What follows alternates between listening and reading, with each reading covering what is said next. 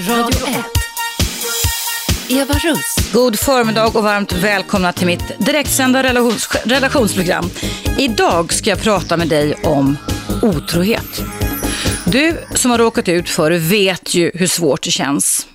Och otrohet det är ett beteende, det är ett gissel, det är ett hot men det kan också vara en möjlighet och en utmaning för en parrelation. Ja, jag vet att det kan skära i öronen på den som just nu sitter mitt i en otrohetsaffär.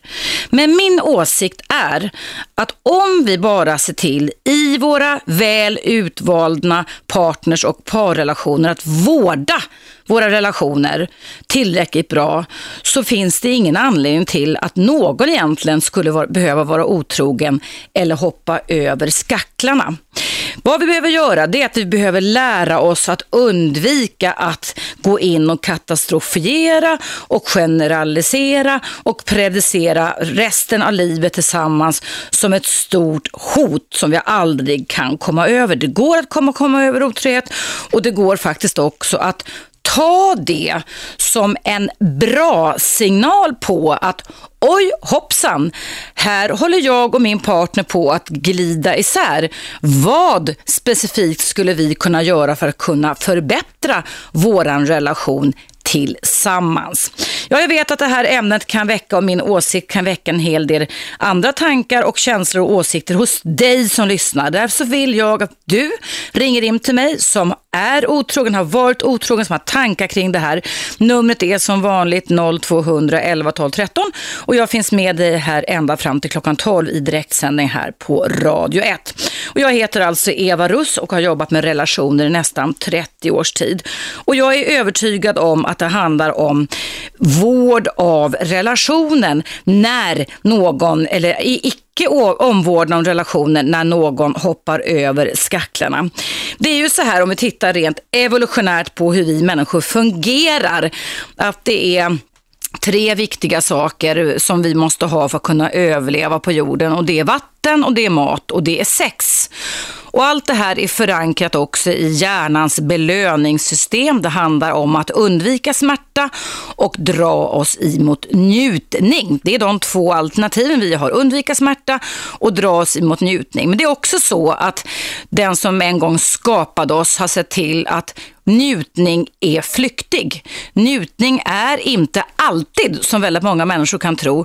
För om vi skulle njuta jämt när vi åt, drack vatten, när vi åt mat och hade sex, då skulle vi inte ha överlevt på savannen. För det har faktiskt med överlevnad att göra. Att vi ska få en belöning, men den ska vara lite kortvarig och sen när vi väl har fått den, då ska vi ut och jaga igen. Och det är precis samma system, anser jag, som funkar när det gäller en parrelation. Vare sig den är heterosexuell eller homosexuell spelar alls ingen roll. För det är samma byggstenar som gäller. Och om du tänker dig in i, du som lyssnar just nu, på hur du tänkte, hur du kände, vilka beteenden du och din partner hade när det en gång gällde. Den här första nio månaders förälskelsen, ett, två, tre åren tillsammans, när ni var väldigt måna om varandra, måna om att inte tappa relationsbandet till varandra. Hur tänkte ni då och vad gjorde ni då? Jag är ganska säker på att ni såg till att stå i relation till varandra hela tiden med ord, med bilder, med ögonkontakt och med beröring. Och ni hade säkerligen väldigt mycket kroppsberöring och väldigt mycket sex i början av relationen. Precis som forskare idag har kunnat visa att eh, herr och fru Sork gör om man tillsätter kärlekshormonet oxytocin så stärker det deras band både med beröringen och sex. Men när man tar bort det så, så är man inte intresserad av varandra. För kärlekshormonet oxytocin det utlöses av att någon annan berör oss. Så det spelar ingen roll om du berör dig själv utan det måste vara någon annan. Och det här är så sinnrikt uppfint, upp, uppfunnet och anses vara en orsak till parbildning. Det alltså har med hormoner att göra, men de kan vi inte utlösa själva utan det måste vi få hjälp med. Men det har också att göra med vilka tankar vi hade, vilka känslor tankarna producerade, vilka prosociala beteenden vi hade, men också vilken förväntan och föreställning vi hade om varandra.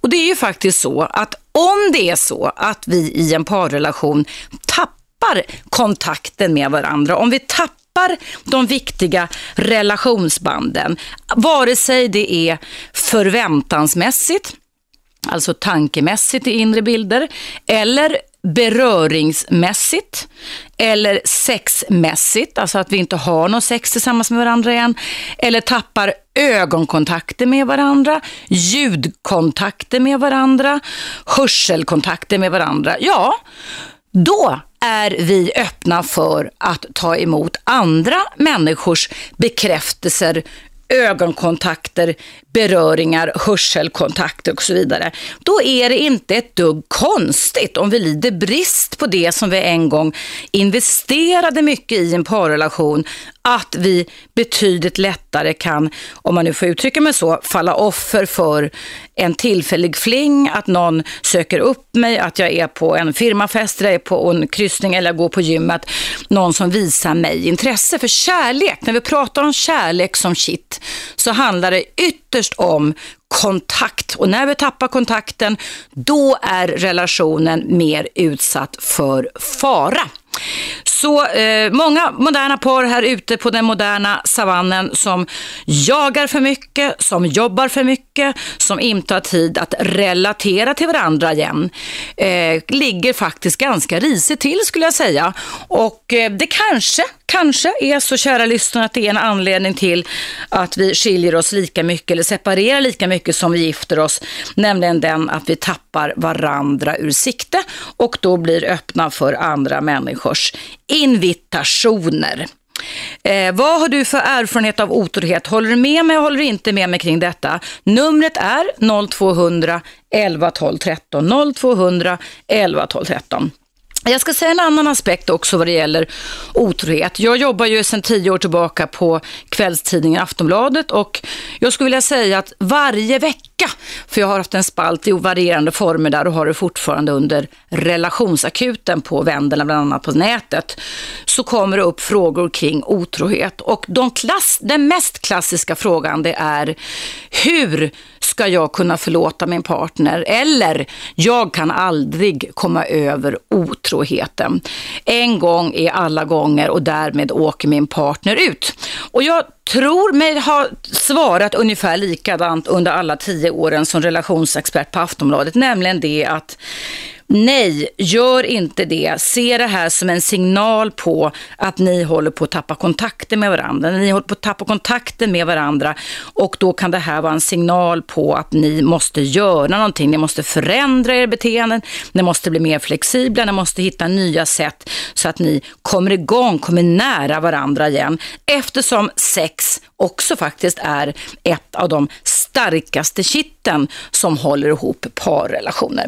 Nu ska vi se vem som kan tänkas finnas på tråden. Hallå, vem är där? Eh, hej. Hej. Jessica heter jag. Hej Jessica, välkommen till mitt program. Tack, vad häftigt här. Jag har radion på samtidigt och hör. Ja, bara det inte skorrar sen, men det kan vi, då får jag säga till dig i sådana fall. Du, vad väcker dagens ämne för tankar hos dig?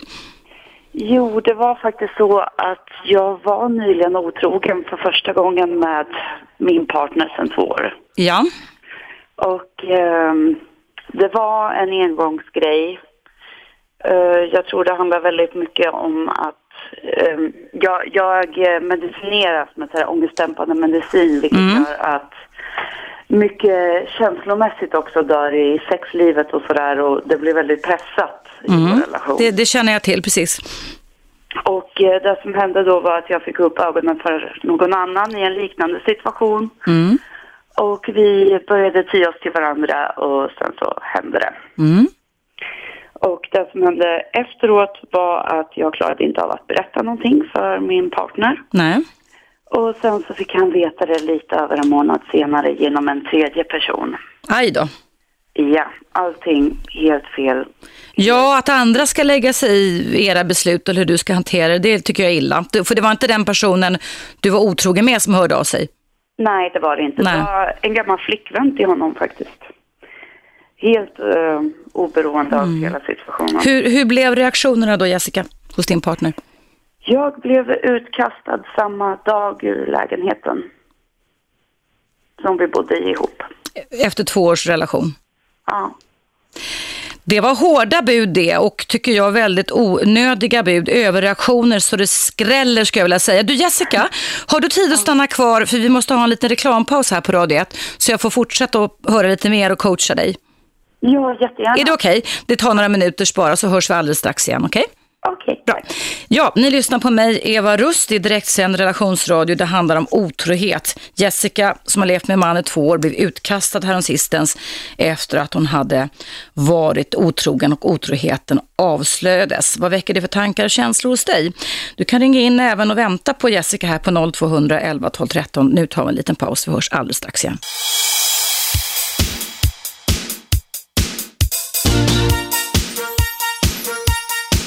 Radio 1. Eva Russ. Välkomna tillbaka. Idag pratar jag om otrohet och att jag anser att det med per automatik inte behöver innebära att man fjärmar sig från varandra. Jessica är kvar på tråden hoppas jag vi ska se. Hallå, är du kvar Jessica? Jo, det är jag. Ja, och du min vän, du blev utkastad för någon månad sedan, var det så, från, av din partner när otroheten avslöjades? Precis, eh, så var det. Han sa samma kväll, två timmar ungefär efter att eh, han fick veta att han ville direkt att jag skulle hitta någon annanstans att bo. Så jag packade en väska och var borta nästa dag. Och hur länge sedan detta, Jessica? Eh, det här hände för, vad blir det nu, tre veckor sedan ungefär. Oj, oj, oj. Har det hänt någonting mer efter det att du har blivit utkastad av din partner?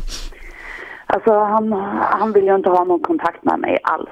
Mm. Han, han vill inte att vi ska prata eller att vi ska ses. Så vi träffades lite över en, en vecka efteråt för att prata om lägenheten och möbler och sådär. Jag hyr ett ställe i andra hand nu mm. ett tag.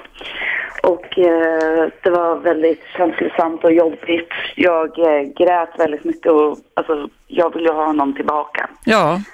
Och han är helt avstängd och säger bara liksom att nej, han vill bygga upp sitt egna liv nu. Han har inte lust att ge oss en chans till. Och jag är bara rädd nu att i allt det här så bara kommer det där sista som kanske finns där dö för att han inte vill närma sig det. Mm. Det här är ju det mest klassiska sättet och det dummaste sättet tycker jag som man hanterar en otrohet på. Det är min åsikt som expert sedan länge Jessica. För att den här otroheten du pratar om, den har ju inte ett dugg med kärlek att göra eller med anknytning att göra. Anknytningsband har du ju gjort till din partner sedan två år tillbaka. Men på grund av medicinering, på grund av nedsatthet, sårbarhet så gled ni lite ifrån varandra du och din partner och du blev precis som jag sa inledningsvis lite mer öppen för att få bekräftelse på ett annat sätt ifrån någon annan. Det är ju inte vi människor som har sagt att vi är födda monogama utan det är ju vi som har bundit ihop det här paketet och sagt att bara för att vi lever ihop så ska vi inte vara otrogna. Men kärlek inte samma sak som att vara otrogen. Jag tycker snarare då att man skulle kunna förlåta varandra lättare och säga okej, okay, det här är en signal på att oj, hoppsan, vi måste vakna här, vi måste göra någonting för att kunna komma varandra närmare igen. Din kille har inte, eller din före detta kille har ingen sån tanke utan det är bara svartvitt allt eller inget tänk just nu.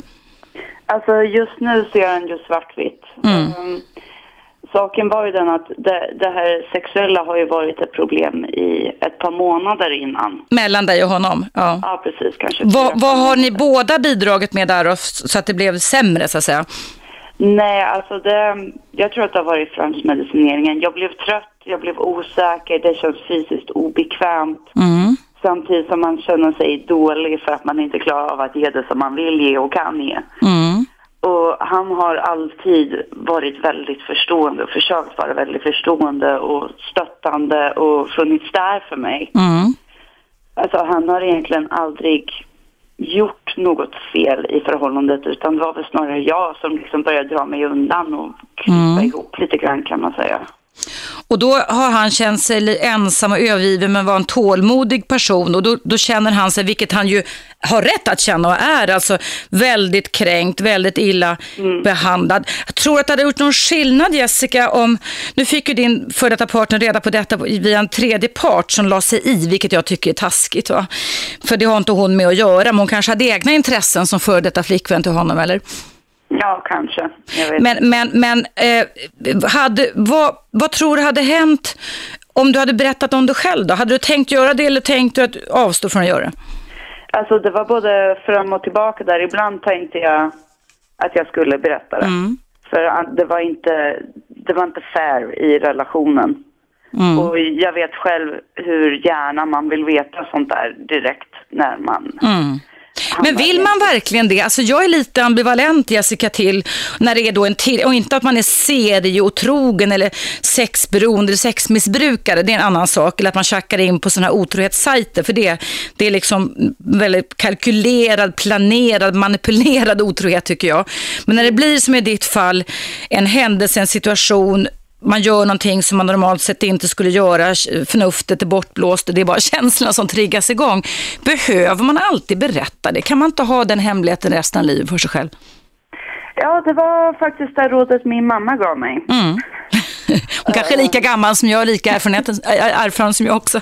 ja, jag vet inte. Alltså, det, var, det var lite sådär att um, det, jag pratade med henne vid ett tillfälle jag tänkte berätta det. Mm. För, för det kändes inte bra och jag kände också att om han skulle höra det så förtjänar han att höra det från mig. Mm. Och inte från någon person som inte hade något med det att göra, som det sedan blev.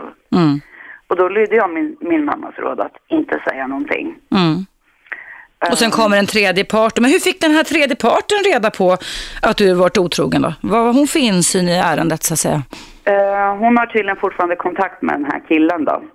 Jaha, så hon kände den som du var otrogen med alltså? Ja, ja. precis. Och han berättade det för henne. Mm. Jag vet inte varför eller under vilka omständigheter, mm. vilka han pratade med. Men det är väldigt tjaskigt ändå tycker jag, alltså för att där ska ju du som har valt ändå, eller ja, kanske omedvetet valt att vara otrogen i alla fall, ha rätten att få avgöra hur du ska hantera det här. Det är väldigt illa när någon tredje part lägger sig i, det måste jag verkligen säga. Ja, och det, det har alla i min omgivning hållit med om. Mm. För jag hade, väl, jag hade väl antagligen fortsatt hålla tyst, men, men jag tror att det hade tärt på mig. Men du Jessica, tror du, nu är ju läget som det är, att du är utkastad sedan tre veckor tillbaka för att du var otrogen en gång. Uh, Tror du att om du hade hållit tyst och det inte hade blivit avslöjat, tror du att du själv hade kunnat använda den här erfarenheten du fick av att vara otrogen med att förbättra och närma dig din kille eftersom ni hade glidit isär sedan ett par månader tillbaka? Jag tror det, men jag hade behövt tid. Mm. För eh, Jag ligger just nu vid ett medicinbyte och anledningen till att jag vill byta medicin är just för att få igång det här igen. Sexlusten om man säger så. Ja, precis, mm. precis. Så att den ska kännas naturlig främst mm. och inte pressad liksom. Så vi, vi var på väg kan man säga. Du och din pojk, eller före detta pojkvän? Ja, precis. Det mm. var i en process. Men du, har ni haft en bra relation? Alltså har du, hur kände du det efter, direkt efter otroheten? Alltså vad, vad väckte det för tankar då hos dig? I och med att det tydligen var någon, ett ovanligt beteende för att vara dig. Mm, äh, alltså, jag har ju som personproblem med impulskontroll och mm. hur, hur, jag liksom hanterar mm. situationer och hur jag kommer in i situationer. Och för mig var ju det där, det var faktiskt som han själv uttryckte det, ett experiment. Alltså, jag ville genom otroheten ta reda på hur starka mina känslor för min pojkvän var. Och, och vad hände, om vi nu bortser från att du sen då blev utkastad genom att tredje part tjallades, men vad, vad, vad, hur blev dina känslor för din ordinarie pojkvän efter otroheten då?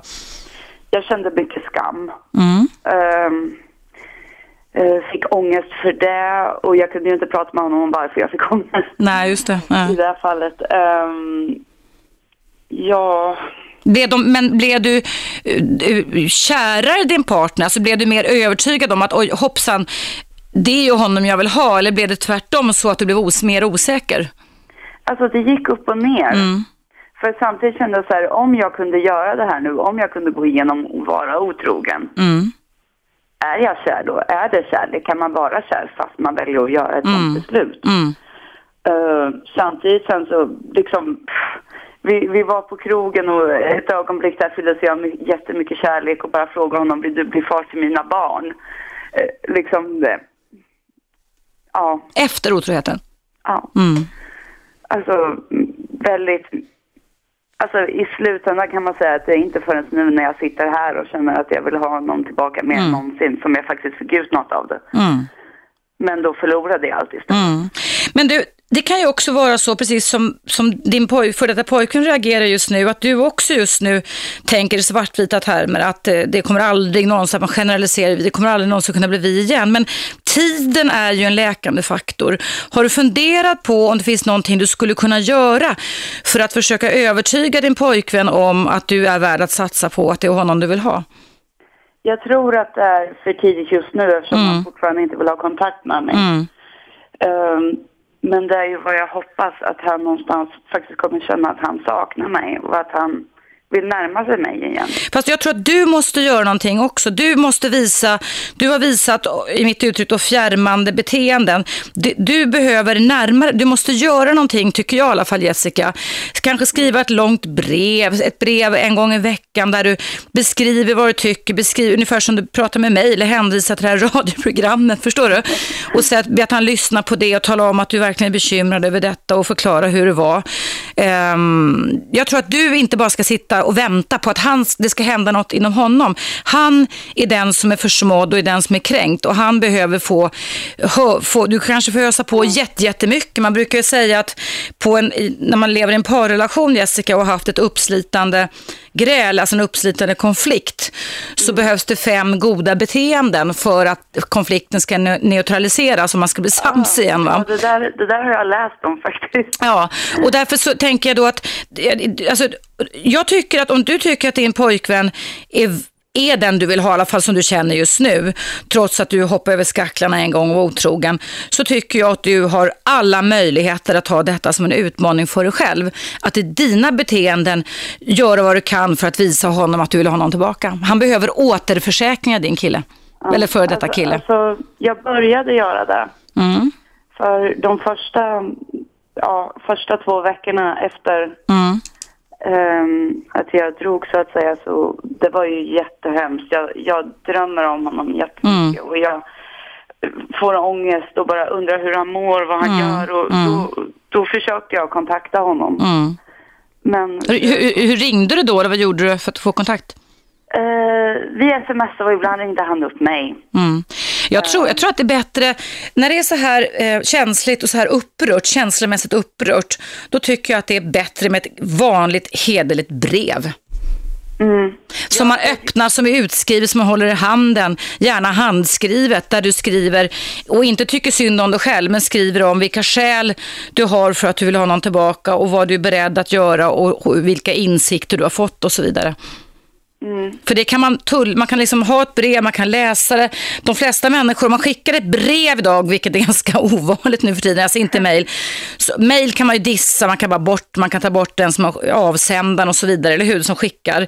Men ett brev som är förslutet och klistrat kan jag garantera att ingen enda människa på denna jord skulle avstå från att öppna det.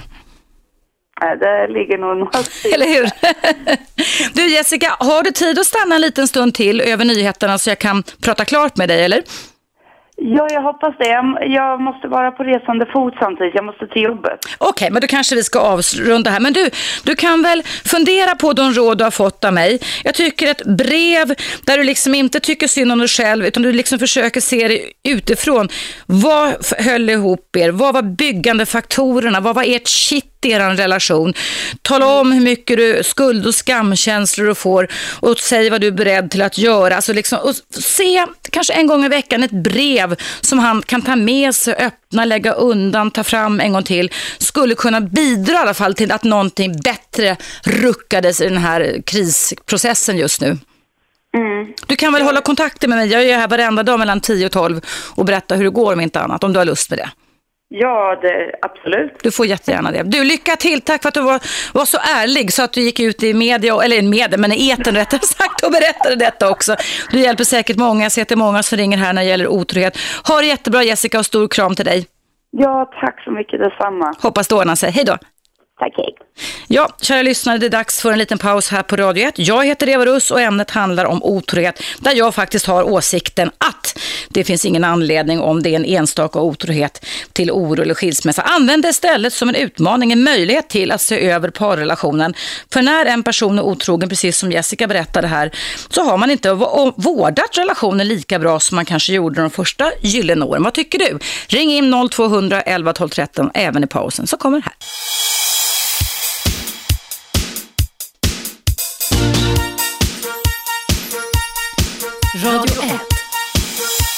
Eva Russ. Välkomna tillbaka. Idag debatterar jag otrohet med dig som lyssnar. Det finns ingen anledning tycker jag till separation eller skilsmässa om det sker en enstaka otrohet. Och jag är inte alldeles säker på, även om jag givetvis tycker att ärlighet varar längst, att man till varje pris ska trycka ner varenda liten detalj om vad man har gjort när man var otrogen i den befintliga partnern, om denne stannar kvar. Jessica hade kan man väl säga, otur när hon hoppade över skacklarna. Jag coachade här, henne här innan pausen där det var svartvitt tänk. Hon kastades ut ur det gemensamma boendet. Jag hoppas ändå att Jessicas partner, före detta partner, kan ta sitt förnuft till fånga. Det är självklart så när man är mitt uppe i en sån här känsla, en stark känslomässig storm, att man kan reagera med att fly. Men har man massa andra ingredienser i parrelationen som har bundit den ihop i många, många år, eller flera år i alla fall, så tycker jag att det är de faktorerna som man ska fortsätta jobba på och faktiskt ta otroheten som en signal på att oj, vi håller på att glida från varandra, vi måste göra något för att förbättra den. Nu ska vi höra vad Susanne tycker om dagens ämne. Hej Susanne, välkommen! Ja, hej! Jo, ja, det är intressant det här med, med, eh, som du säger, att du är tveksam på att Måste man tala om det? Var det inte så Mm. du tänkte? Mm. Jag, jag har en tanke för det där och det gäller att om vi säger då ponera att man lever i en, en relation som är väldigt fin. Mm. Men, men man är bara människa och det, då har det hänt. Låt säga då att det är en själv, att jag själv då har varit otrogen vid något tillfälle och efteråt ångrar jag mig fruktansvärt och tänker hur kunde jag göra det här? Mm. Eh, och jag vill absolut ha kvar min partner som den här flickan som kvinnan berättade om. Mm.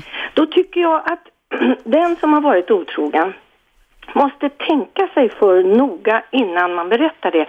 Och det, man, man måste ställa sig den här frågan tycker jag. Berättar jag det här för att må bättre själv? Mm. Eller berättar jag det här för att ja, kommer han att må bra av det här, eller hon? Mm. För att ibland är det en egoistisk tanke bakom att jag mår så dåligt av det här så jag måste få, få det här ur mig. Men då är det en ego, egoistisk anledning att berätta det. Mm. På, förstår du hur Ja, jag ja, tänker? absolut, absolut. Ja. Och, och jag håller... Håll, ja. Ja, mm, förlåt. Nej, förlåt. Kör du, Susanne. Ja, för att då är det ju då, då blir det ju omoraliskt en andra gång. Nu har jag gjort det här och nu ska min partner också få, få, få göra det här till sitt problem. Det här är mitt problem, jag får stå för det, jag kommer aldrig göra om det, det var väldigt dumt. Men om jag berättar det, då kommer jag göra det till vårt problem och eh, den andra partnern kanske mår skitdåligt av det Mm. här. Okej, men då får jag ta att jag går och mår dåligt och har skuldkänslor för det här. Men det, det är ju min grej, jag har gjort det. Mm. Jag tycker, att, jag tycker alltså inte att man alltid ska berätta nej. Nej, det tycker inte jag heller. Nej. Jag tycker att det kan göra mer, mer harm mot relationen än tvärtom faktiskt. Och, som du säger, att man får ta ansvar för sitt beteende och givetvis då se över vad kan vi, hur kan jag använda den här erfarenheten för att lära känna mig själv och givetvis närma mig min partner i min parrelation så att vi, får, vi själva då får ett mer större kitt, sexuellt kitt och mer par, känslomässigt kitt i relationen. Håller helt och hållet med dig Susanne. Tack så jättemycket du för de åsikterna. Det är många som ringer här så jag ska släppa in Ann-Marie alldeles strax. Tack för att du lyssnade Susanne också. Ha det jättebra. Hej då, hej, hej, hej. Ja, nu ska jag prata med Ann-Marie som har väntat en stund. Hallå, Hej Eva! välkommen. Tack ska du ha. Det är roligt många ringer du. Ja, det är jättekul tycker jag också. Ja, du- men du jag, jag lyssnar på detta och jag tycker det är ett väldigt intressant ämne med otrohet. Mm. Och så tänkte jag på dina förord idag inför programmet. att eh, det är ett tecken på att man måste vårda sin relation om man hoppar över skacklarna eller någon gör det. Att det kan vara den andra partens då. Ja, du vet vad jag menar. Mm.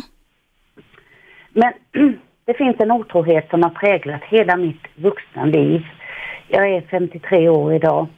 När jag var 21 år så fick jag mitt första barn och gifte mig med min man. Vi var 21 och 22 år gamla. Mm. När jag var 24 så var jag redan skild. Min bästa vän, som blev min bästa vän, en grannfru, tio år äldre än min make, eh, de inledde ett förhållande. När ni var nygifta och småbarnsföräldrar. Ja, Mm. eh, vår son var bara ett år då. Och jag tänker på de orden, vad hade jag som 22-åring, 23-åring Nej, då nej, det håller jag med om. Det håller jag med om. göra? Mm. Och detta förstår du Eva, har präglat hela mitt jävla vuxna liv. På vilket sätt kan du berätta hur du har genomsyrat dina tankemodeller och, och beteenden? här, tankemodellen är ju så här att jag förstod ju detta. Jag var ju inte blåögd och jag trodde att livet var så att man träffade sin man och man fick barn och sen så var det mm. lycka. Jag har fyra stycken systrar. Alla var gifta eh, och ordnade förhållande och jag ville vara inom parentes lika duktig situationstecken som de då va. Mm. Och eh, när jag upptäckte detta eh, så var det ju inte han som drog utan jag förstod ju det här och jag kom ju på dem. Så jag tog min lilla son på två och ett halvt år och flyttade iväg och lämnade lägenheten. Och det var en fruktansvärd tid med allting Mm. som hände. Och innan vår skilsmässa då var igenom så var hon redan gravid. Oj då. Ja. Eh, den första julen säger min stora syster till mig som är fem år äldre och hade två små barn och gift så sa hon som man bäddar får man ligga. hon till mig. Mm. Ja, då, då, då kan jag förstå att du kan tycka att min, min åsikt är provokativ, men vet du vad jag tänker då när jag hör dig säga, Ann-Marie, all min respekt till dig och medkänsla det vill jag säga, det är också det att här låter det ju inte som en enstaka otrohet, utan här handlar det om att din man inledde en relation. Och det är en helt annan sak, förstår? Det här, här relaterar det han. det. Precis, här, här har han relaterat, alltså en enstaka gång, det är det jag menar med otrohet. Och man sen går tillbaka till sin partner och känner, men gud det här blir jättefel och det här var ju dumt och det här vill jag inte göra, jag får ta ansvar för det här. Men här har ju din man haft- varit otrogen säkert 10-20 gånger innan han bestämde sig för att fortsätta vara otrogen och fortsätta att inleda en relation med henne. Det är ju mycket manipulation. Han måste ha fifflat väldigt mycket bakom din rygg, eller båda två, eller hur? Ja. Eftersom det var närmsta grannen. har Ja. det ju präglat också idag min äldste sons och min relation. Hur då? Därför att, jo, för att när, när min äldste son var, eh, han träffade ju sin pappa. Det var ju väldigt viktigt för mig att Mm. han skulle få träffa sin pappa. Och, eh, men när han var fyra år så tog han avstånd ifrån honom. Jaså, så liten Ja. att ta sånt beslut? Ja, och sa det att eh, han... Eh, och, eh, ja, det var massa konstiga saker. Jag bara grät. Jag tyckte det var helt horribelt. Ja. Men i alla fall, när han var 11 år så fick han träffa sin pappa igen. Ja. Och jag har alltid haft hand om min son. Jag har alltid sett till hans bästa. Jag såg till så att han hade en relation till sin farmor och farfar. Ja. Det var jag som körde han till farmor och farfar när hans pappa härjade Mm. och, och, och gjorde allt det där. Men idag så tycker min äldste son att han, fast han är 32 år så går det liksom inte att berätta för honom eller förklara att jag var så ung och, och Mm. jag kunde inte göra mer. Så idag umgås han mer med sin pappa än vad han gör med mig. Och det, det gör ont. Det förstår jag. Alltså. Det kan jag verkligen förstå. Men du, får jag fråga dig, Ann-Marie, innan pausen, vi måste ha en liten paus, men jag tänkte fråga dig, har du kunnat satsa på en ny relation efter detta svek då? Efter sen så, som jag sa, har det präglat hela mitt liv. Jag har idag som 53-åring kommit ihåg varför jag har inlett så många relationer som jag har. Jag har fyra barn. Ja. Jag har tre barn med tre olika män. Ja.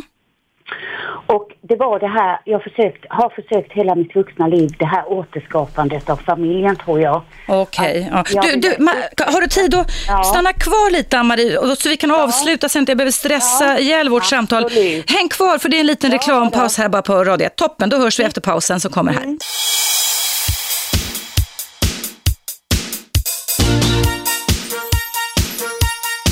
Radio 1. Eva Russ. Välkomna tillbaka. Idag debatterar jag otrohet. Jag anser inte att det behöver vara anledning till skilsmässa såvida det då inte är en seriell otrohet, att det är en person man lever med som i månader, veckor och år går bakom ryggen på det och som i Ann-Maries fall inleder en relation eh, med grannfrun. Det är ju en förfärlig historia Ann-Marie. Men du, Ja. vad menar du att den här, det här drabbade dig för över 30 år sedan. På vilket sätt menar du då att det du har försökt kompensera sa du genom att gå in snabbt i relationer efter detta? Eller var det så du sa innan pausen Ann-Marie? Eller? Ja, jag, jag tror att det är också en väldigt stor drivkraft i, i oss kvinnor. Eh, När vi en gång har fött barn, att det här återskapandet av familjen. Jag, jag tror att det är A och O.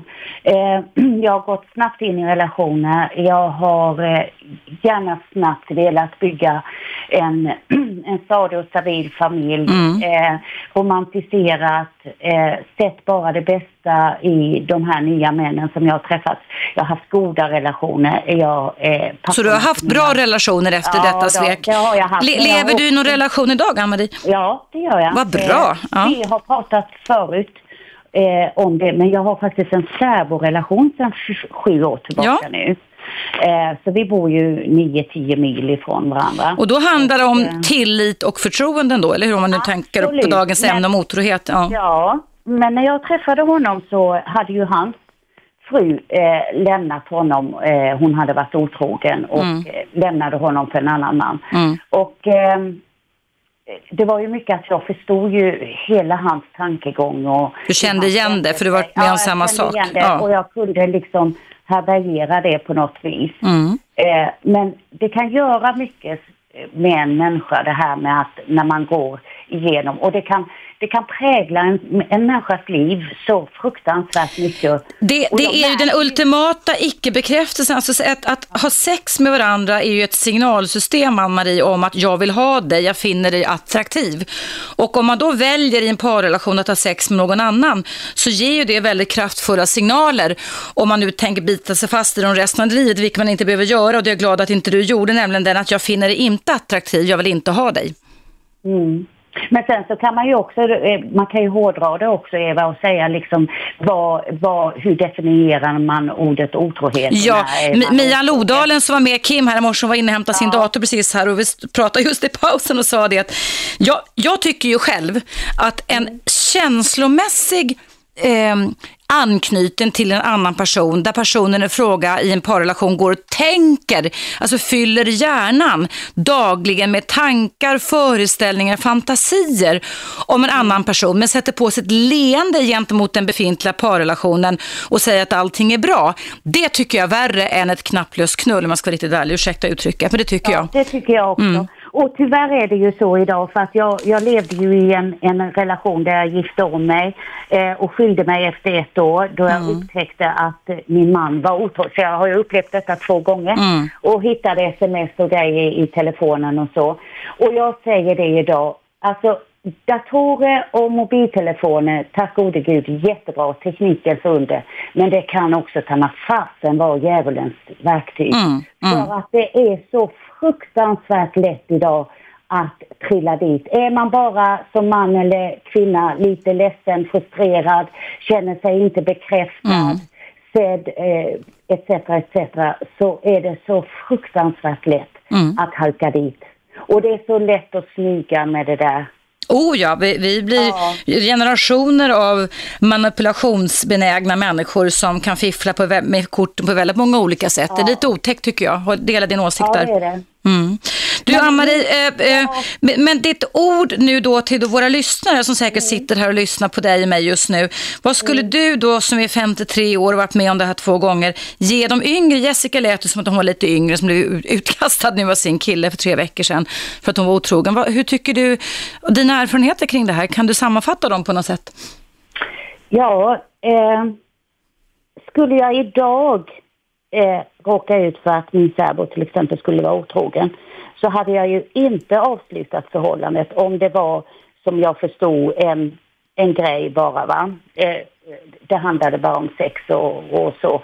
Det tror jag inte. Men till dagens unga idag så vill jag bara säga att så fort ni känner någonting Så fort ni bara känner någonting, om du misstänker, för magkänslan är det allra viktigaste och det allra finaste känslor liksom intuitivt ta och prata med din partner. Mm.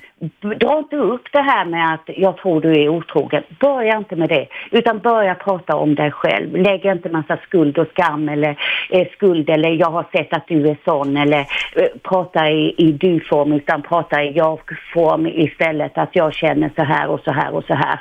Mm. Och, och ge inte upp. För det är som du säger Eva, det kan vara en gång Mm. det, och aldrig mer. Och man behöver inte, om man har varit otrogen, kanske berätta. Men om man känner på sig att ens partner...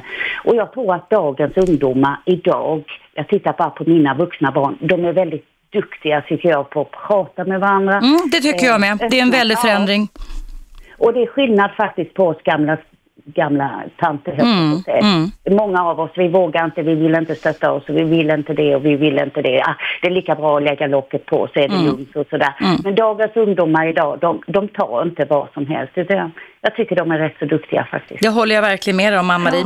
En eloge till alla ungdomar. Men du, tack så jättemycket för att du då Ja. lyssnar på programmet också. Tack så jättemycket för din Ja. erfarenhet kring detta. Och lycka till med programmet i, i fortsättningen. Tack ska du ha, Ann-Marie. Ha det bra. Ja. Hej då, hej. hej. hej, hej.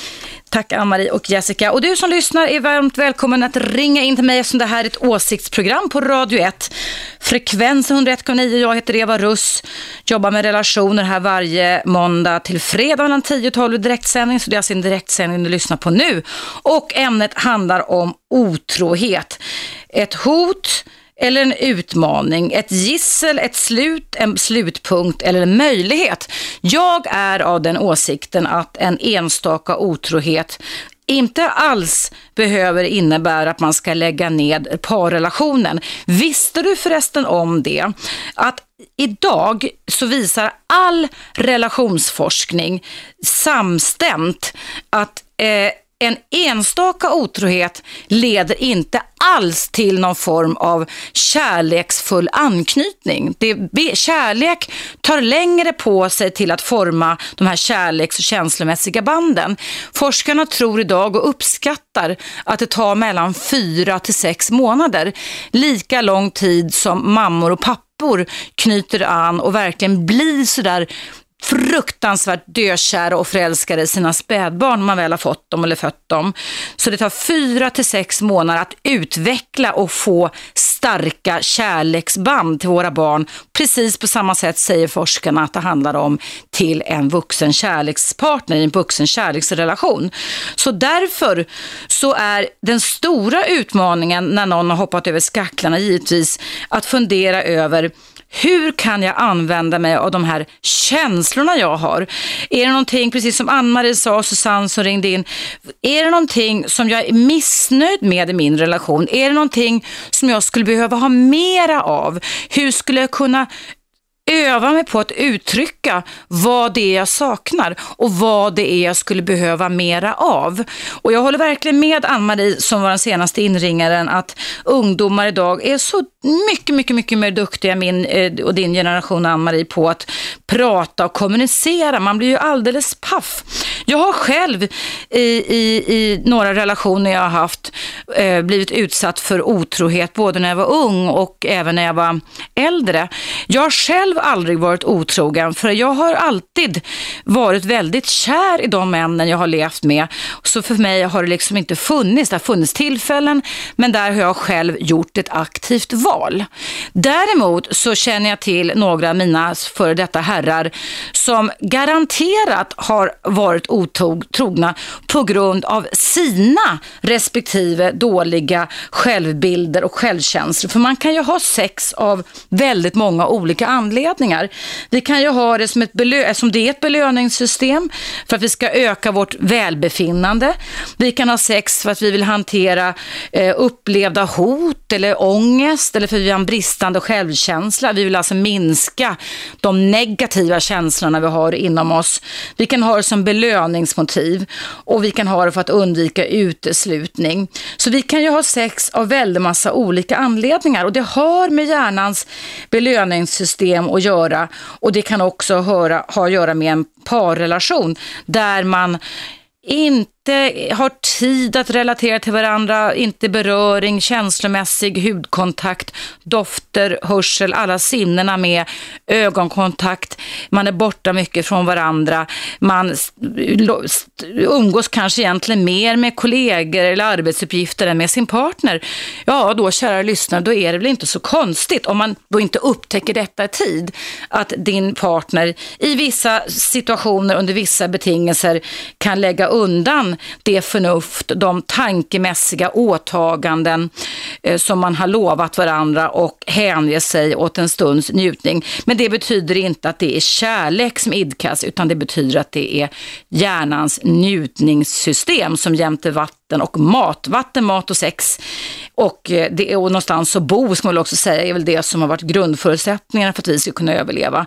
Så sex som en egen handling har ju vi moderna människor, i alla fall under 2000-talet med hjälp av religionens värderingsyttringar och så vidare, bundit samman och sagt att när du väl har valt en partner och skaffat barn med, då ska du stanna kvar. Och då ska du absolut inte få känna några andra känslor från en annan person.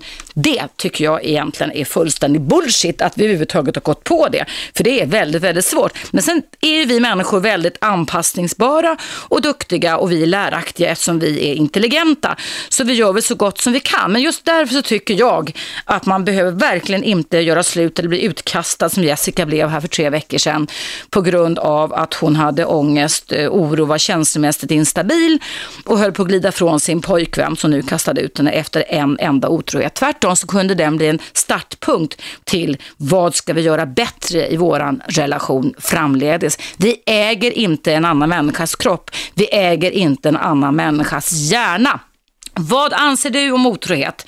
Ska man förkasta den otrogna partnern eller ska man förlåta? Ring in numret till 0200 11 12 13. Nu är det dags för nyheter och du lyssnar på mig, Eva Russ, på Radio 1.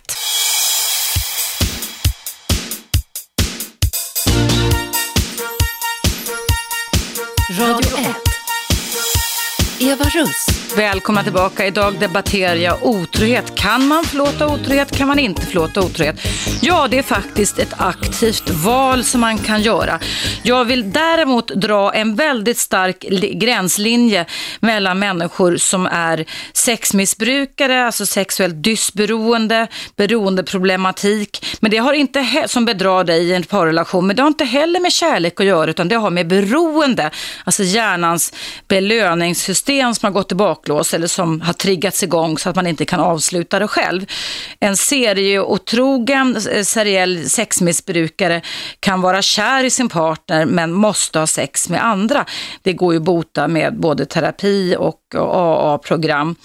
Eh, och jag pratar heller inte om de människor som bakom ryggen på sin partner när man har ätit familjemiddag på lördagskvällen checkar in på otrohetssajter med sitt kontokort och sen sysselsätter sig i veckorna med att inte bara en gång utan många gånger ligga med okända människor. Det är ve och fy och skam och usch och äckligt tycker jag. Då, är man, eh, eh, då ska man inte leva i en parrelation. Men om man har levt i en parrelation där man eh, till att börja med, som de flesta både heter och homosexuella par gör i början, ge varandra intensiv uppmärksamhet, intensiv ögonkontakt, hörselkontakt, kroppsberöring, mycket sex som ofta stärker och är ett stärkande kitt i alla parrelationer.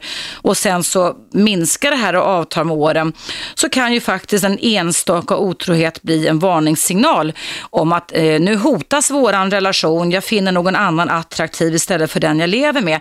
Oj hoppsan, här måste jag göra någonting för att vi ska kunna komma tillbaka till varandra igen.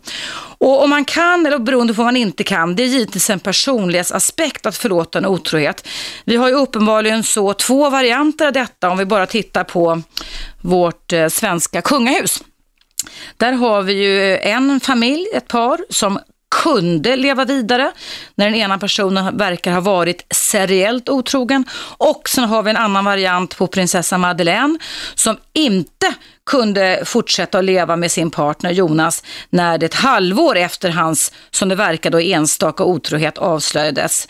Hon kunde ju leva med honom sex månader så länge som hon inte visste om det, men om hon väl fick veta om det så blev han utkastad. Däremot så verkar våran drottning vara av den tålmodiga typen och så som det har gestaltats i pressen och diverse tidningar och så vidare och böcker så har hon kunnat förlåta och gå vidare. Och det kan man faktiskt göra om man kan förstå att kärlek faktiskt är någonting annat än bara sex. I en parrelation är sex ett viktigt shit. Det har det alltid varit, det kommer alltid att vara. Men beröring kan också kompensera sex och ögonkontakt som är evolutionära signaler på att jag bekräftar dig. Det är den ultimata tecknen faktiskt på eh, att jag gillar dig. Och det ger då också ett hormonellt uppåtcheck uppåttjack inne i hjärnan, bland annat av kärleks och sexhormonet dopamin. Jag ska läsa upp ett mejl härifrån Emma, det står så här. Lyssna på ditt program om otrohet och att ärlighet inte alltid vara längst. Jag håller med dig på den punkten att det är totalt onödigt att inviga sin partner i alla detaljer kring otroheten. Men jag tycker nog att det är viktigt att berätta vad man har gjort. Föreställ dig att man fortsätter sitt förhållande och efter flera år får partnern helt plötsligt reda på att man har varit otrogen. Då har händelsen helt plötsligt tagit sig en ännu värre skepnad. Och chansen att ens partner förlåter en kommer nog i de flesta fall minska drastiskt. Tror du inte det? Jag skulle i alla fall känna det som att jag blivit förd bakom ljuset under flera, flera år. Vänligen Emma. Ja, Emma, tack så jättemycket för ditt mejl. Det är ju en knivig fråga och detta också tycker jag både en kunskapsfärdighetsfråga och en eh, beteendefråga och en personlighetsfråga. Vi är ju olika toleranta. Jag känner till människor som jag har mött som har levt i många, eh, långa parrelationer som ser till kärleken och förlåter sin seriellt otrogne partner under förutsättning förstås att den slutar med sina beteenden och leva ut sina fantasier och så vidare med andra personer.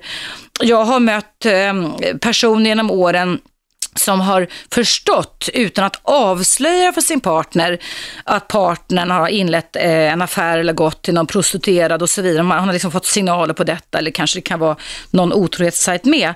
Men som faktiskt då har valt att sätta in krutet och klutarna i relationen. Inte anklaga, inte fjärma sig från sin otrogna partner utan istället få den, vinna denna tillbaka på något sätt eftersom sex ett signalsystem, finner det attraktivt, vill ha dig.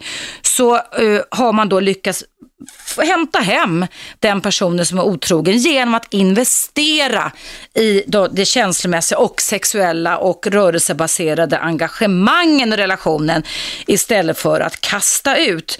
Jag tycker att det är synd när många människor runt om i världen lägger ner så otroligt mycket energi och noggrannhet och precision på att finna sig en bra partner och att vi sen har så otroligt lite tålamod och frustration, inte tål frustrationen med att det emellanåt kan upp uppstå en motgång. Eh, vi tänker i för svartvita termer och därför så anser jag att otroheter kan man faktiskt komma över. Men som sagt, det är skillnad på om det är en person som i Amaris fall, jag har själv även varit utsatt för det, bakom ryggen på dig har en mångårig relation tillsammans med en annan person. Det är oförlåtligt. Då kan man ju lika väl göra slut och bete sig moraliskt och hederligt, tycker jag. Vad tycker du? Numret in till mig är 0200 11 12 13. Vi ska höra vem som finns på tråden nu. Hallå, vem finns där? Hej, det är Malin. Hej Malin, hej jag väntade på att du skulle ringa mig. Ja, berätta vad du ville att jag skulle svara dig på. Jag tänkte mer på det här när man eh, går in i en relation, du vet som du brukar säga, man knyter upp sina hjärnor med varandra. Mm. Man har valt varandra, man har jättebra ihop och allting och det har gått sex, sju månader. Mm. Och, eller några månader i början. Mm. Och ändå liksom det här ständiga nyfikenhet på andra ändå. Mm. Fast det liksom inte har börjat bli några problem än i relationen. Har du varit utsatt för det själv Malin? Nej. Okej, Ja. men du, jag har varit utsatt för det för länge sedan när jag var yngre och då hade jag inte den kunskapen som jag har idag Malin. Men det där har, det är en personlighetsfråga. Det, det, det handlar om någon form av, eh, jag pratar ju ofta, du kan ju mina läxor här, hörde jag liksom om det här med anknytningsmönster och hjärn, alltså, det handlar om eh, att vissa av oss, ungefär 35-40 procent enligt forskningen i västvärlden, har lite knepare med tillit än vad andra har och har lite knepare med att känslomässigt lugna ner oss, antingen fjärma oss för snabbt eller för ofta eller, och så vidare, lite obalanserat. Och eh, en person som har det anknytningsmönster som jag brukar predika om här i mitt program som heter Trygg anknytning är enligt forskningen mycket mer benägna på att vara just trygga och lita på sina känslor. Förstår du? När man har inlett en relation med en annan person och inte alltså hoppa över skacklarna i början. Du menar att en person som har haft det tryggt i början i sitt liv behöver inte... Nej, behöver inte vara lika mycket otrogen som de som har haft det mer otryggt. Det finns det jättemycket forskning kring. Och det, då grundar det sig i att det liksom har med att de söker den här...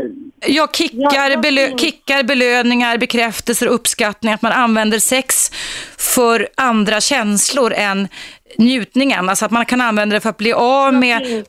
Se mig, de såg inte när jag var barn. Ja, just det, precis. Okay. Så, så det, det, kan hänga ihop med det. Sen kan ju en person som har det så kallade trygga anknytningsmönstret givetvis också vara lite ambivalent. Va? Man har ju rätt, man, man, det är precis som du säger, det tar ungefär nio månader, eller från nio månader uppåt innan man tycks kunna bestämma sig för att det är vi. Liksom. Eller många kan göra det snabbare med dem, men alltså, det kan ta den tiden. Och då eh, kan det ju vara ett uttryck för osäkerhet, otrygghet, men att man ändå vill ha kvar den, det band man väl har skapat innan man bestämmer sig slutgiltigt. Jag tänker då på prinsessa Madeleines otrogne fästman. Ehm, jag känner inte dem på något sätt, kommer aldrig träffa dem heller, men eftersom hon kunde leva med honom och skulle gifta sig med honom och fick reda på det här sex månader efter otroheten. Det kan ju faktiskt vara så att det är en stor grej för en vanlig svensk man att komma in i kungahuset. Och det kanske var en sista desperat, desperat panik eller rädsleattack som ledde till att han var otrogen. Jag försvarar inte det på något sätt, men jag säger att man kan se det på olika sätt helt enkelt. Kan eller kan inte förlåta. Tycker du att du fick svar på din fråga Malin? Ja, jag fick svar på min fråga. Toppen, vad bra. Tack för att du lyssnade på mig och tack för att du ringde in till mig också. Ja, ja, okej. Är det något mer du vill prata med mig om? Nej, jag kom på... Nej, men vi kan ta det sen. Nej, men vi kan ta det om vi kan ta det efter pausen som jag måste ha alldeles strax här. Ja, jag ska bara tänka på hur jag ska lägga Tänk, då, då sätter jag kvar dig på hold så tar jag upp dig efter pausen, okej? Okay? Okej. Okay. Då hörs vi strax igen. Hej. Ja, kära lyssnare, du lyssnar på mig, Eva Rust, i direktsändning. Numret in till mig som Malin har ringt in i 0200 11 12 13 och jag pratar idag om otrohet. Nu är det dags för en liten reklampaus på Radio 1.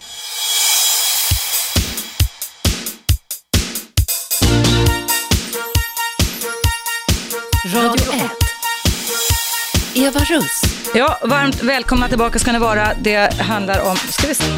Hallå, sådär, nu hörs det. Det var, kom åt en liten knapp här. Jag heter Eva Rust, det är direktsänt relationsprogram.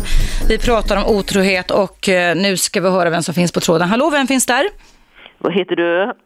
Hej, jag pratade just nu med dig och sa att jag är ingen sierska, jag kan inte uttala mig. Man ska ringa 011 213 och svara tar kort olika frågor om otrohet ska vi svara på. Ja, det här, mitt program idag handlar om min syn och din syn, du som lyssnar på en otrohet. Måste man alltid separera och göra slut eller måste man alltid berätta om det? Har du någon konkret fråga om just det ämnet? Jag frågade, men då kan hon väl svara på frågan. Hon, vad heter hon som svarar på frågorna då? Vad är det du vill fråga mig om? Men det är så att jag sa ju att det var att det var en man som är 40 och jag är 58 så hoppas han inte gift eller sambo. Han träffade en kvinna på, på, på, på dans. Eh, det var sådana där eh, utvecklingsstörda, det var sådana där eh, de hjälper han att promenera en personal och så och det på sjukhusen var det alltså, han har Asperger tror jag. Och då undrar kan han kommer han gift, kommer han att skilja flytta härifrån eller inte. Men, men du vet, vet du vad min vän, jag kan inte svara. Du, jag är hemskt ledsen, jag kan inte svara dig på det jag förstår, för jag kan inte sia om framtiden. Jag är hemskt ledsen, jag kan förstå att det finns väldigt mycket oro och ängslan om det är så att det var, jag uppfattar inte riktigt om du är 58, han är 40, kanske åldersskillnad, jag vet inte vad det var. Men, och det här att hitta en relation är ju inte alltid så lätt. Men jag kan tyvärr inte uttala mig om om det han kommer att lämna eller vara kvar i den här relationen. De eh, färdigheterna har jag faktiskt inte. Nu ska jag prata med Ingvar som har väntat en stund. Hallå Ingvar! Hallå ja. Hej, välkommen. Tack så mycket. Mm. Vad ville du säga om otrohet? Jo, hörru, jag tycker man kan vända på problemet också. Man, man eh, kan ordna till en, en eh, situation där eh, allt är upplagt för, för en otrohet. Men sen så, så avbryts detta. Det är ungefär det som du beskrev tidigare här, nämligen att eh, du hade, när du var, var skild en gång här så hade du varit ihop med någon, någon eh, kille av något slag. Som hade en relation, ja. ja. Ja, Eller vi det. var inte ihop, men vi höll på att bli ihop kan man väl säga. Ja, Ja. just det. Jo, det är precis den situationen som jag tänkte ta upp alltså här. Och det är ju, det är ju en väldigt märklig situation därför att man är då inställd på att någonting ska hända och sen så, så händer detta inte utan man avbryter det hela. Mm, man gör ett aktivt val, man nyktrar till som man säger, eller använder förnuftet, förnuftet istället för känslan. Exakt. Det är en, det är en väldigt svår situation det är också liksom de andra alltså egentligen. Därför att då har man lagt upp det hela eh, efter ett visst sätt att det ska kunna fungera och sen så vänder man på alltihopa här och säger nej det blev inget av, jag vill inte det. Men den, bes, den besvikelsen får man ju då leva med och, den andra parten också i sådana fall, eller hur? För det kanske ändå gynnar parrelationen, den befintliga parrelationen mer om man avstår och hoppar över skacklarna än om man gör det. Jo, det är precis det du säger alltså. Det är för att eh, den situation jag hade varit i precis i det här Mm, jag vet det. sammanhanget, Mm. Det, var det att, att eh, min hustru trodde absolut på att jag skulle kunna fungera bra på olika sätt. Och det var det som gjorde att man i sista sekunden vände på det hela Mm. och lät bli alltså att, att gå vidare alltså på det Ja, här. du var, du var nära att vara otrogen eh, en gång i tiden, men, men du avstod. Ja. Exakt alltså. Mm. Och, det, och det är också en, en situation som är lika svår som den andra misstänker Mm. jag. Men känner du dig, hur, eller rättare sagt, hur känner du dig nu med distans? För det här var ju många år sedan. Tycker du att det var bra eller dåligt att du avstod att vara otrogen, Ingvar? Jo, jag tycker det var väldigt bra alltså. Mm. Det, det, det, det tycker jag var en väldigt fin situation alltså. Mm. Och det fina var alltså att det var min hustru som trodde på mig alltså. Ja. Och det var det som gjorde att jag avstod alltså. Ja, det ser det, att vi, vi sänder budskap och beteenden och känslor till varandra. Du Ingvar, tack så jättemycket för det exemplet. Det är många som ringer här så jag ska gå vidare med att ta in några andra här. Hej så länge, hej. Nu ska vi se vem som finns på tråden. Hallå, vem är där? Hallå, vem är där? Hallå ja. Hej, välkommen till mitt program. Eva Russ, vad heter du? God dag, god dag. Krille heter. Krille heter du. Hej. Jag är, jag är ute på vägen här och njuter av det här förträffliga ämnet. Ja, vad bra. Ja. Vad har du för tankar och känslor kring det då, Krille? Nej, jag har väl två saker som jag funderade lite Mm. på. Det, det första är ju de här kulturella aspekterna av um, otrohet. Mm. Vi har ju eh, Italien så är det ju inte så okänt att man tar en älskare eller älskarinna vid sidan av sitt förhållande. Just det. Mm. Frankrike, eh, ryssar, jag känner många ryssar som pratar om det här att eh, deras hustrur vet att de har eh, kvinnor vid sidan av och kanske en eller två älskarinnor. Just det. Och det här är lite intressant alltså hur man eh, kulturellt ser på det. I Sverige så är det ju väldigt eh, tabu och förbjudet. Och i andra länder är det dödsstraff på det. Precis. Mm. Jag, jag funderar på vad det kan vara för parametrar hos oss Mm. som gör att det blir så annorlunda. Va? Ja, berätta vad du tänker. Nej, jag vet inte. Ska jag, ska jag tänka, tänkte du Krille? Ja, jag tänkte att, att du skulle kunna liksom, eh, om jag hade tur då, bena ut eh, Ja. och göra en sån här stor forskningsanalys. Jag över förstår. vad vi har för olika eh, tendenser i olika Mm. regioner. Det är kopplat till geografi och så Mm. vidare. Men om vi inte kan svara på den så har jag i alla fall en annan. Ja, okej.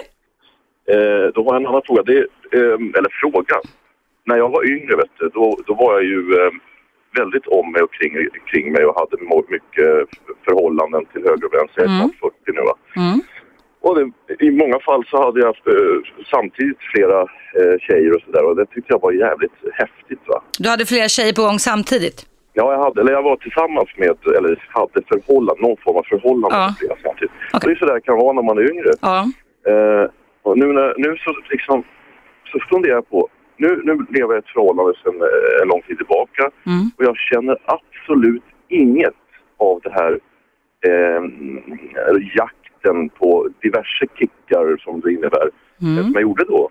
Utan det är liksom någonting som är helt bortkopplat. Och det, det, det har ingenting med avtagande drift att göra. Nej, nej, nej, nej, nej. Ha- undrar, vad kan det bero för? Man känner ingenting alls. Liksom. Eh, fast du känner någonting för den partner du lever med? Bra.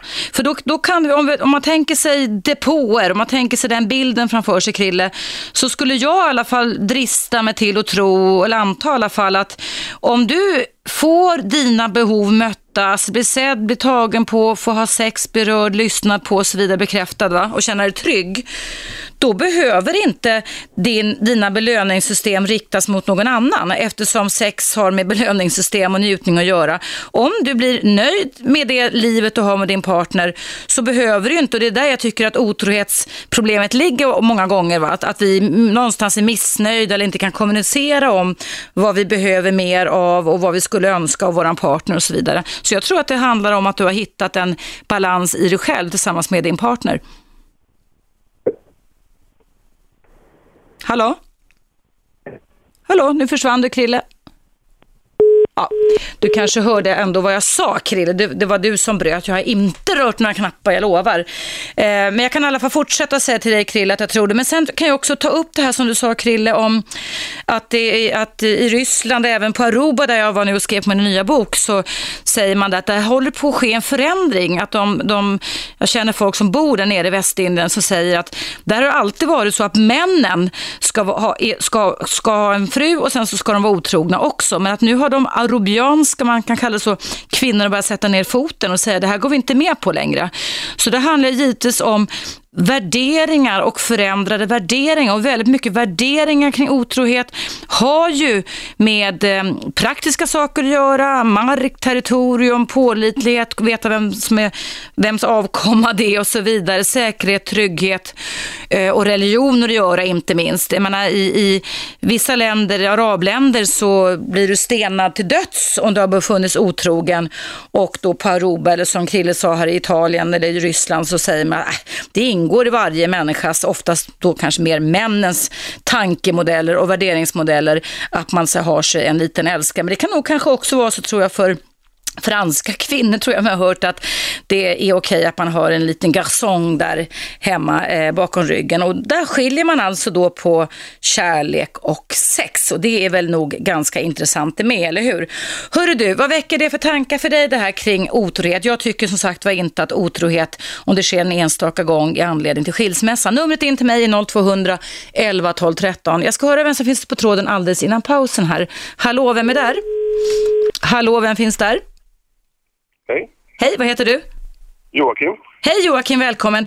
Kan du berätta vad du vill prata med mig om kort bara så kan vi fortsätta efter pausen om du har tid att stanna kvar. Ja, det var jag. Ja, säg vad du vill prata med mig om. Intressant. eh, Föregående eh, Krille, ta- talares eh, första fråga där. kring värderingar, att det är så olika runt om i världen.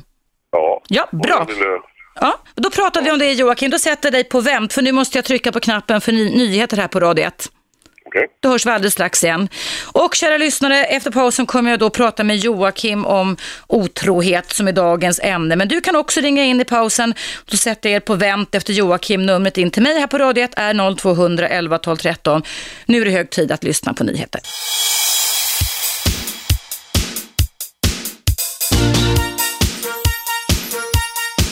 Radio 1.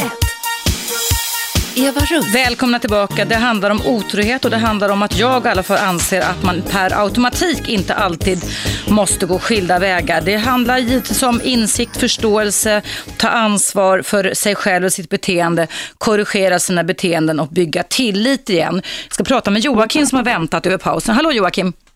Hej. Hej, berätta vad det här ämnet väcker för tankar hos dig. Jo, eh, senaste talaren där, Krille tror jag. Mm. Han pratar om geografiska skillnader och eh, kulturella och Med synen på otrohet, ja. ja. Och jag har eh, sedan länge, sedan, eh, sedan tonåren höll jag på att säga, eh, lekt med en, en liten tankelek. Jag försöka få fram den på ett vettigt sätt. Mm. Eh, på 80-talet, om du hade en flickvän och gick med henne på en badstrand, Mm. då skulle du eh, som normalt eh, svartsjuk man inte tycka om att hon hade bikiniöverdel. För det hade ingen annan. Om det nu var 80-talet. Mm. Eh, och det är ju det är ett långt hopp till otrohet. Men eh, eh, ponera om man gör tankeexperimentet att, att du, du är i en killgrupp och alla de männen har gjort sig så frigjorda så att de eh, låter sina kvinnor eh, ha roligt vid sidan om. Mm. Då blir det lite konstigt om, om eh, då blir det liksom eh, sedd i det här sociala sammanhanget som en någon slags eh, bakåtsträvare. Ungefär som om du hade tvingat in eh, Du, jag hängde inte riktigt med i det, det du sa. Eh, på, vilket sätt, så bara så jag förstår Joakim, hängde det ihop med topless på 80-talet på stranden och ett killgäng? Kan du förklara liksom vad, vad sentensen var där i din beskrivning? lite grann det här franska att det, det är liksom accepterat att, att man har saker och ting vid sidan om. Det är ett jättelångt hopp. Men, men jag, jag, jag vill liksom få in den där sociala biten att om alla andra tjejer är topless så vill inte jag att min tjej ska ha Du menar att, att ju mer vana vi blir vid vissa beteenden, ju, mer, ju oftare fler personer gör det, desto mer vidgar vi vyerna liksom och idkar dem. Är det det du menar?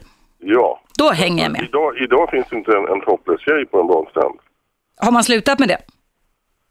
Ja, alltså om det var 99 procent på, på... Ja, jag vet, man kastade överdelen. Men du, din egen inställning till otrohet då, Joakim? Nej, jag, jag eh, tycker inte om det, nej. Nej. Bra, då vet jag det. Ja. Jag, jag, jag tror inte att det är...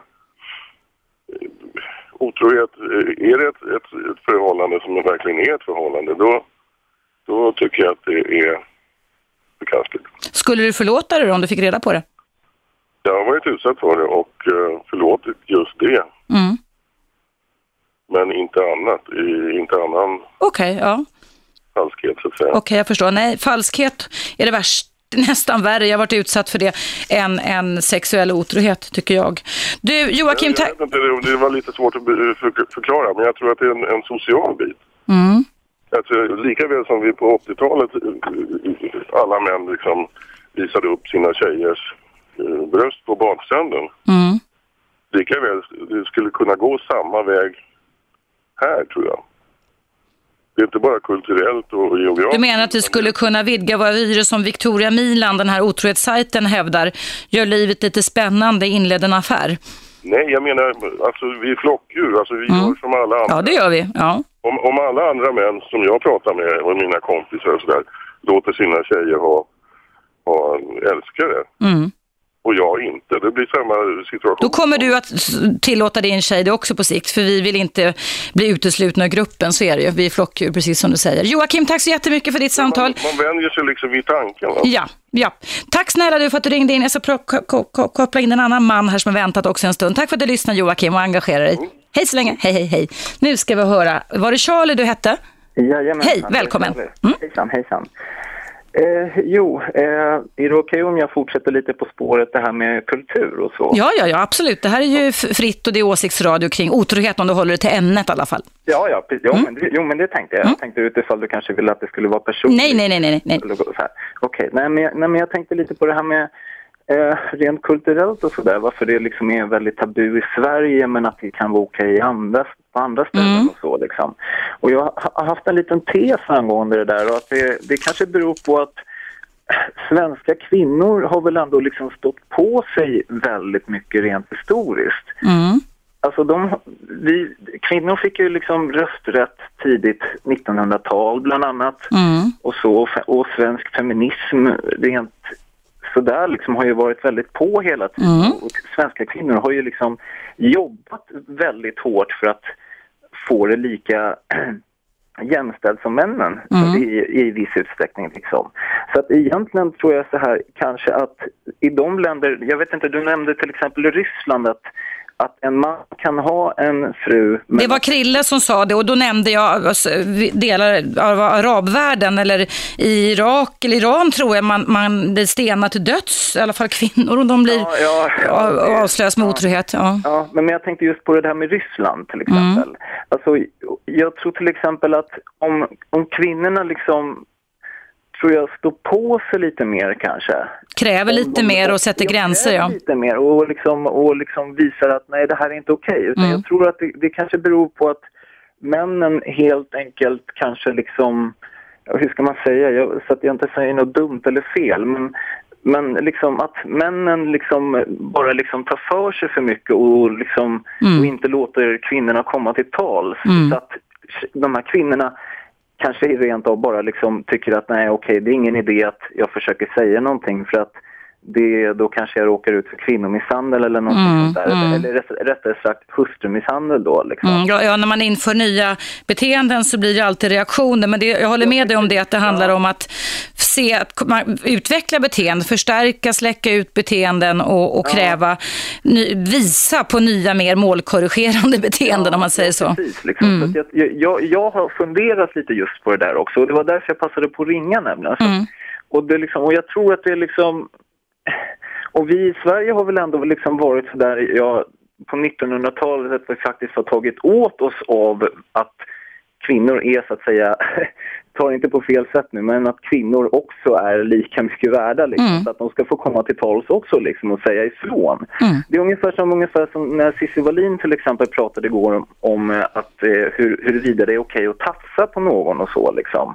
Alltså om, om en kille tafsar på en tjej så blir ju liksom tjejen liksom rabiat och bara vad fan håller du på med liksom?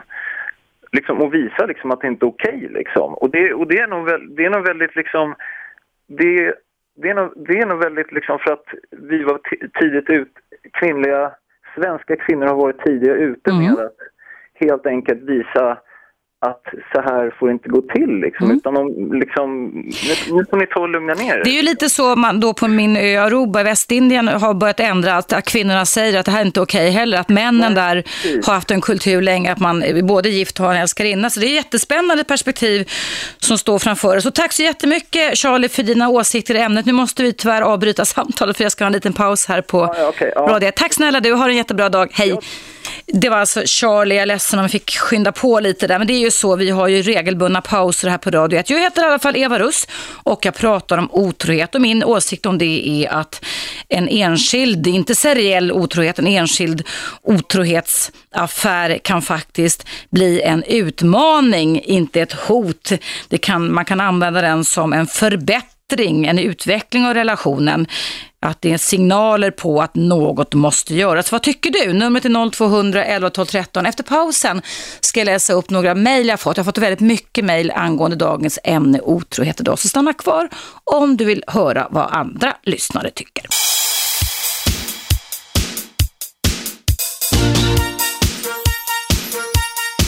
Radio 1. Eva Russ. Välkomna tillbaka. Jag lovade innan pausen jag ska läsa upp lite lyssnarmail, eller många lyssnarmail.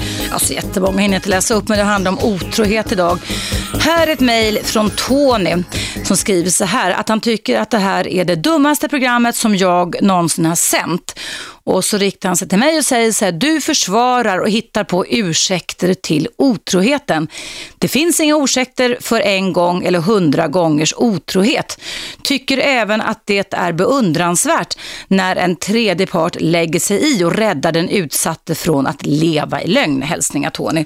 Och jag skulle tro att Tony tänker då på Jessica som jag inledde mitt relationsprogram med idag som berättade att eh, hennes ex-pojkväns ex hade fått förtroendet av den hon var otrogen med och sen vänt sig till Jessicas kille och sagt att hon har varit otrogen. Så det var alltså en tredje part som la sig i. Ja, så kan du tycka Tony. Jag tycker inte som du och det är därför vi har den här åsiktskanalen också. För vi kan tycka olika. Eh, däremot ska jag läsa upp ett från Hanna som står så här. Tack för ett bra program. Min partner var otrogen för tio år sedan då vi båda var i 20-årsåldern och hade varit ett par under ett år. Han berättade om otroheten direkt efteråt för mig och var mycket ångerfull. Jag blev väldigt chockad, ledsen och sårad. Men vi fortsatte vår relation och han var otroligt omtänksam och kärleksfull. Det tog ett halvår innan vi hade sex igen, men relationen har blivit bra igen.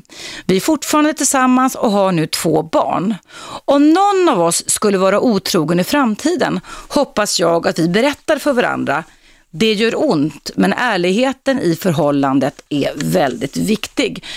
Ja, så där har vi ju olika åsikter. Kan man förlora, eller förlåta och kan man inte förlåta? Det handlar väldigt mycket om ens egen inställning och erfarenhet och vad man eh, är med om. Här har vi ett annat eh, mejl. Eh, det står så här. Hej Eva, eh, vill kallas för Jasmin. Min sambo har varit otrogen i vårt förhållande efter ett och ett halvt år av vårt förhållande och nu har vi varit tillsammans i sju år. Jag förlät honom det men det tog tid att komma över det. Det tog cirka ett och ett halvt och två år och det kan fortfarande göra ont när jag väl tänker på det. Han var otrogen med en och samma person fem till sex gånger på jobbet och han valde att inte berätta för mig, utan jag märkte det själv när jag hälsade på honom på jobbet, då båda blev nervösa och hon gav mig hatblickar. Han berättade för mig eftersom jag blev misstänksam och sa att det är mig han älskar och mådde dåligt den perioden i vårt förhållande. Att han, och att han vill bilda framtid med mig och bilda familj. Jag gav honom en chans men det var tufft att leva med. Men avslutningsvis, vi har lyckats och nu har vi en dotter tillsammans. Kul att höra tycker jag. Ge inte upp är ju mitt ständiga budskap kring detta. Eh, men alla människor, vi, kan tänka olika, vi kan fungera olika. Jag har ett mejl både från killar och tjejer här där det står så här. Ehm, hur får man tillbaka tilliten igen? Ehm, nej, det stod så här, det är från Martin, det står så här. Hur gör jag om jag nyss, hur gör jag om man nyss gått ifrån varandra. Jag var med en annan tjej under tiden vi försökte hitta tillbaka till varandra. Nu har man ju ångest och skam, men borde jag berätta det? PS, vi har barn ihop. Hur gör man om man nyss gått ifrån varandra? Mm, jag, jag, kan inte svara på det här Martin, för jag fattar inte riktigt vad du menar. Eh, är det så då att ni änd, du och din partner som var barn ihop gick ifrån varandra och ni försökte hitta tillbaka till varandra och du var ändå otrogen men nu är ni inte ihop längre. Ja, då skulle jag i sådana fall, om det är så, om jag uppfattar det här rätt, då skulle jag inte bry mig kanske om att göra så mycket åt det. Ni har ju ändå gått ifrån varandra. Kanske av den anledningen, kanske av andra anledningar, jag har ingen aning. Men jag tycker att eh, du kanske kan skriva bättre eller skriva lite mer tydligare så jag förstår vad det handlar om. Eh, ja, vi ska se, det är många som ringer. Vi tar lite samtal istället. Hallå, vem finns på tråden? Ja, hej, jag heter Jossan. Hej Jossan, välkommen till mitt program. Hej. Hörru du, jag har jättemycket tankar och jag vet inte var jag ska börja. Mm. Jag bara det har med otrohet att göra. ja, eller hur. Nej, men det började, jag gick igång riktigt ordentligt när den här Krille ringde. Mm. Och sen har jag värderat det jag hört och, um, och jag tänker så här att uh, om man tänker sig att man har en långvarig relation mm. och du säger att otrohet jag känner ju direkt att en gång, ingen gång, absolut. Och det kan hända vem som helst. Mm. Så det skulle du förlåta i sådana fall, eller ha gjort? Absolut, mm. absolut, absolut. Både en och två gånger. Mm. Den, jag säger ju att det handlar mycket om viljan hos motpart, alltså den som har syndat. Just det. Att vilja gottgöra någonstans. Mm. Att ha en vilja. Och, och, då kan det ju funka i en relation. Men sen eh, så tycker jag att själva diskussionen har ballat ur lite. Mm. För, att, mm, för jag känner ju så här att jag tycker inte vi pratar så mycket om du var inne på det, jag tyckte du var jättefin. Du hade aldrig varit otrogen för du har verkligen varit nere i dina partner och känt kärlek och hela mm. den. Mm. Och det var väl där jag lite också kände att det var så fint av dig att säga. För att jag tycker någonstans att, att den här diskussionen om otrohet, att ja, det kan hända när som helst, vem som helst. Men eh, jag tycker vi glömmer bort de som missbrukar. Mm. Och du kan, vara, du kan missbruka alkohol, du kan missbruka mat och du kan även missbruka sex. Oh ja. Och som du sa då att ja men sex det är ju inte kärlek utan det är ju bara en annan känsla. Ja, det, när man missbrukar sex i alla fall. Alltså man knyter ju ihop det i ett paket med känslomässiga bitar men man kan ha sex utan känslor och utan känslomässigt engagemang också. Exakt. Och när man tänker sig då missbrukare så mm. är de ju väldigt uppfyllda av, av sitt eget ego. Mm. Så länge de inte hanterar eller går någon form av behandling eller får någon form av hjälp mm. så är de ju väldigt uppfyllda av sitt ego kan man säga. Mm. Och eh, då, jag kände i den här relationen då att eh, någonstans så blev det snett för jag kände att det är ju inte alltid mannen eller kvinnan som, som inte kan bekräfta sin partner ordentligt för att få ett fungerande äktenskap, eller att säga, men en fun- fungerande Mm. relation. Utan att det är ett- motpartens eh, problematik i själva beroende... Alltså Ja, alltså om om, alltså om du har, om du har, jag har faktiskt mött en, en partner som är sexmissbrukare mer, mer eller mindre va? och, och det har ju inte med kärlek att göra, det är jag övertygad om. Det hade inte med kärlek för mig att göra utan det handlade om hans egen problematik. Ja. Ja, ja absolut. Och det var ju där jag kände att själva diskussionen havererade. Att, att ha en otrohet i en kärleksfull relation, det kan man på något vis ta och det kan säkert gottgöras. Mm. Men om man är tillsammans där motparten är en missbrukare. Mm. Det, det Men det kan man också lösa om motparten är villig att undergå någon form av förändring eller beteendeförändring och behandling. Mm, men då måste man ju ha insikten. Ja, just- men visst, men så länge man förnekar det så är det ju jobbigt förstås och svårt. Precis. Mm. Och även för, för eh, motparten. Det var så, det var därför jag ville ringa. Okej, jag förstår. Jag förstår. Ja, Mm. precis.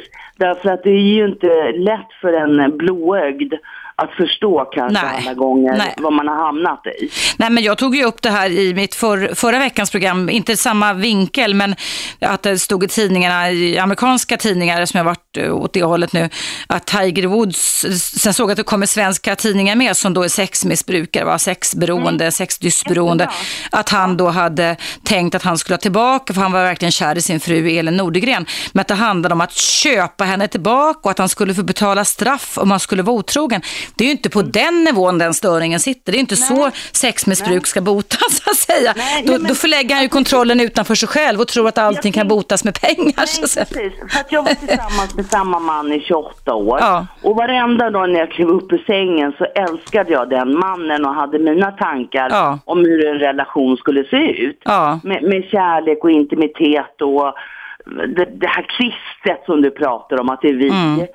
Men, men sen kan man vara så puckad rent Mm. sagt att man med facit i hand har förstått att men det här är ju något annat. Det Ja, här är ju precis. missbruk. Precis. Och det är det jag säger, det var därför jag ville ringa Mm. in för att jag tyckte att det halkade lite på snedden när Krille ringde och sen nästa kille ringde. Man Mm. pratade om kulturella skillnader och ja, mm, Men det, det måste jag bara avsluta innan Kim, Kim kom in här, men jag måste bara avsluta. Jag fick ett mejl från Bertil som skriver så här. Hej Eva, apropå Ryssland, att männen kan vara otrogna där beror på hög grad att de flesta kvinnor i Ryssland fortfarande är helt beroende av mannen ekonomiskt.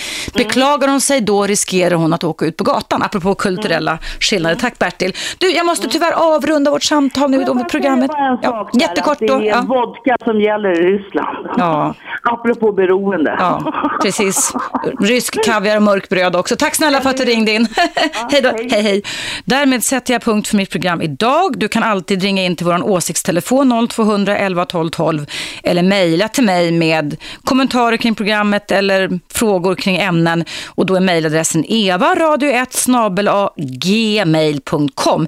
Nu sätter jag punkt och lämnar över spakarna till Kim Kärnfalk i hennes program. Ja, det heter faktiskt Kim Kärnfalk som börjar alldeles strax. Hej då och på återhörande. 101,9 Radio 1. Sveriges nya pratradio.